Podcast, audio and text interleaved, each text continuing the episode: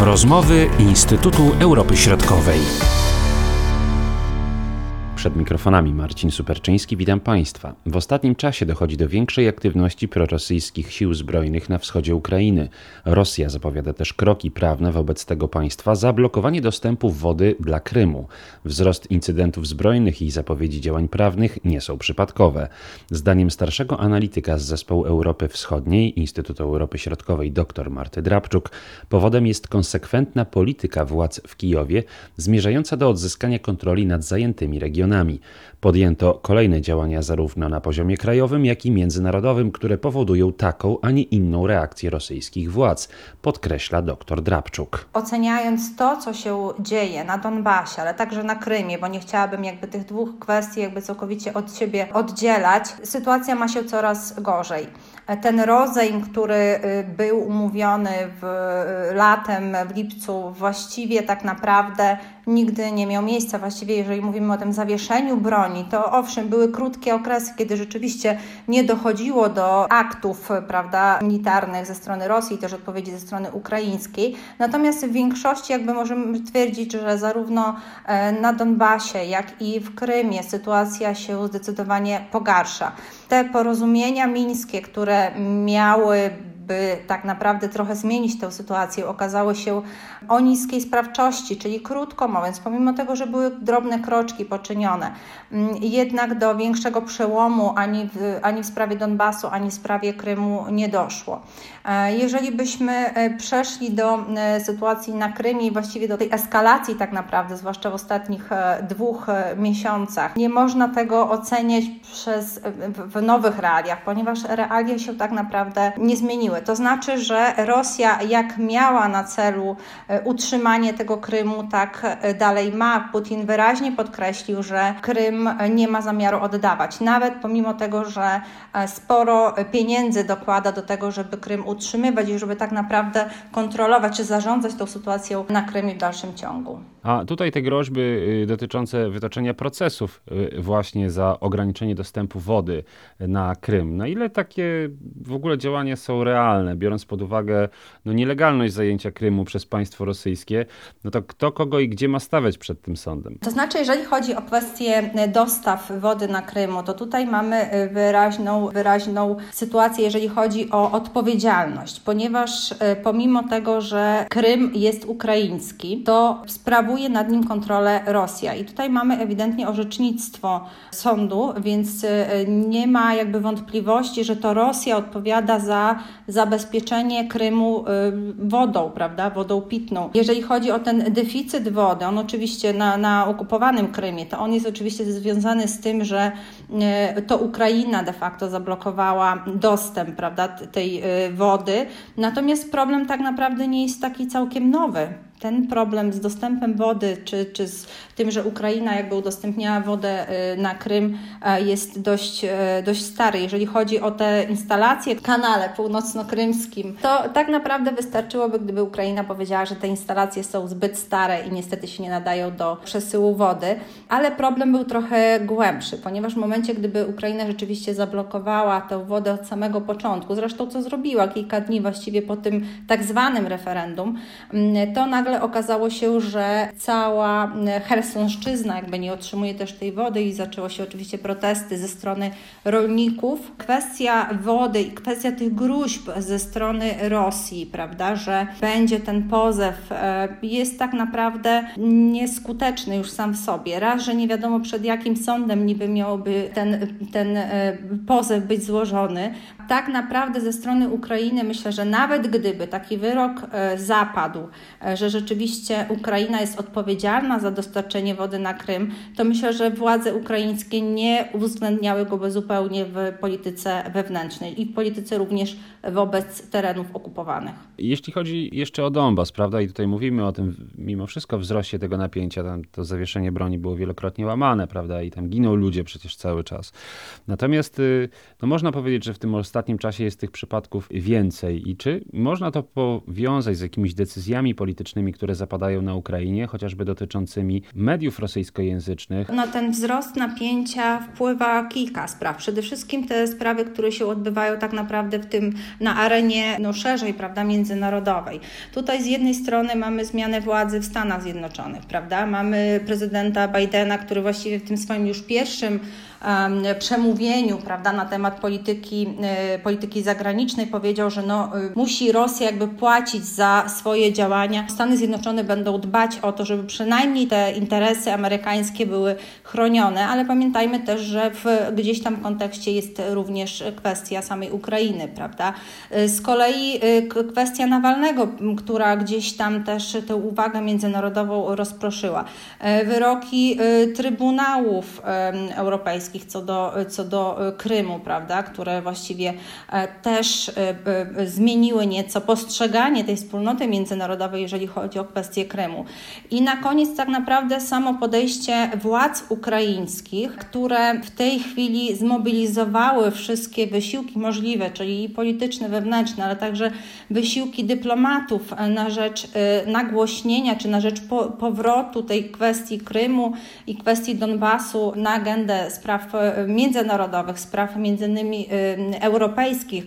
E, stąd też różnego rodzaju oczywiście rezolucje Zgromadzenia Ogólnego ONZ-u, prawda, czy, czy Rady Europy, czy ONZ-u i tak dalej. Czyli te wszystkie jakby działania składają się na to, że ta kwestia deokupacji Krymu i tymczasowo okupowanych terenów jest, no, powróciła, jakby jest nadal aktualna po tym powiedzmy chwilowym zmęczeniu, po tym impasie w ogóle, który nastąpił w tej sprawie ogólnie prawda, w świecie. Pamiętamy przed kampanią wyborczą, no, a w zasadzie w trakcie kampanii wyborczej prezydenckiej pana Zełenskiego, to on podkreślał, że jednym z jego tych punktów priorytetowych to właśnie jest zakończenie tego konfliktu we wschodniej części państwa. Oczywiście sprawa jest bardziej skomplikowana i trudno to było uporządkować, no ale teraz można powiedzieć, że jest jakaś większa aktywność na tym polu, przynajmniej ja takie odnoszę wrażenie. Czy to będzie taka stała aktywność, a jeśli tak, no to to jest kurs kolizyjny z Rosją? Dokładnie. Rzeczywiście, jeżeli chodzi o, e, o politykę Zełańskiego, a właściwie w ogóle całego rządu ukraińskiego i tych zapowiedzi e, Zełańskiego, które myślę, że trochę takie na wyrost były zrobione, aczkolwiek trzeba mu przyznać, że podchodzi coraz e, bardziej Mm, ambitnie do e, sprawy deokupacji Krymu, o czym świadczą m.in. te ostatnie działania z lutego i z marca, bo w lutym mieliśmy e, do czynienia z dekretem Zełańskiego o działaniach na rzecz właśnie deokupacji i e, reintegracji Krymu i tych terenów tymczasowo okupowanych. On o tych działaniach poinformował tak naprawdę w swoim przemówieniu z okazji E, Dnia Sprzeciwu wobec e, okupacji Krymu, który jest obchodzony 26 lutego. Natomiast kilka dni temu, właściwie 11 marca, e, pojawiło się oczywiście na posiedzeniu Rady Bezpieczeństwa Narodowego i Obrony Ukrainy, pojawił się taki projekt strategii deokupacji i reintegracji tych tymczasowo okupowanych terenów Krymu i miasta Sewastopola. Wcześniej też te wysiłki właśnie dyplomatyczne, które były skupione na powrocie Krymu i powrocie kwestii okupacji i aneksji w ogóle Krymu do agendy światowej, do agendy między innymi europejskiej. Tutaj minister spraw zagranicznych e, Dmytro Kuleba zapowiedział, że takimi trzema filarami, na których będzie się opierała ta cała polityka deokupacji Krymu, którą władze ukraińskie mają zamiar jakby wprowadzać w życie, oczywiście etapowo czy, czy po, krok po kroku, będą się opierały na takich trzech jakby filarach. Tym pierwszym filarem oczywiście jest ta strategia, o której wspominałam, strategia deokupacji, reintegracji Krymu. Później kolejnym krokiem ma być właśnie taka konsolidacja, połączenie wysiłków na rzecz y, y, oczywiście partnerów międzynarodowych, na rzecz deokupacji i ten krok właśnie między innymi ma się odbyć za pośrednictwem Platformy Krymskiej. To ma być taka platforma, która będzie zrzeszała, czy która będzie, będzie służyła do tego, żeby wypracować jeden wspólny konsensus, bo tak jak widzimy do tej pory, zarówno te sankcje unijne, czy sankcje amerykańskie wobec e, Rosji, które dotyczą oczywiście e, okupacji, aneksji, nie do końca przynoszą takie efekty, jak, jak zamierzano. I ostatni, ten trzeci krok, e, oczywiście to będzie taka, taki krok, który jest ładnie nazwany krokiem synergii, czyli właściwie to jest taki krok, który będzie zakładał, że na tych terenach tymczasowo okupowanych przez Federację Rosyjską dojdzie do przywrócenia mm, obowiązującego prawa międzynarodowego. No i w rezultacie oczywiście ma nastąpić taka całkowita już mm, integracja pełnej, suwerennej Ukrainy łącznie z Krymem i Sewastopolem.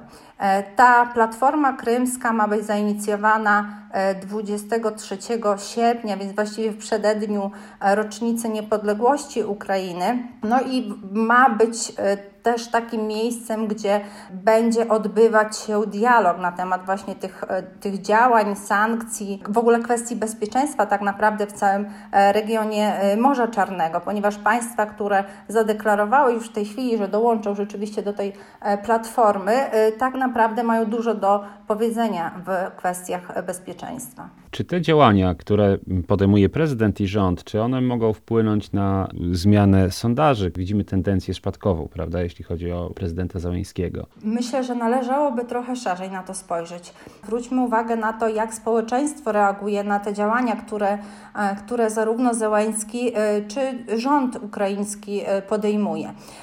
Otóż społeczeństwo ukraińskie właściwie od momentu okupacji Krymu wyraźnie i to jednogłośnie nie zgadza się z polityką rosyjską wobec Ukrainy. Wszystkie te działania, które służą właśnie tej deokupacji, które służą tak naprawdę zmniejszeniu obecności wszystkiego, co rosyjskie w przestrzeni ukraińskiej, są y, postrzegane jako te kroki właściwe.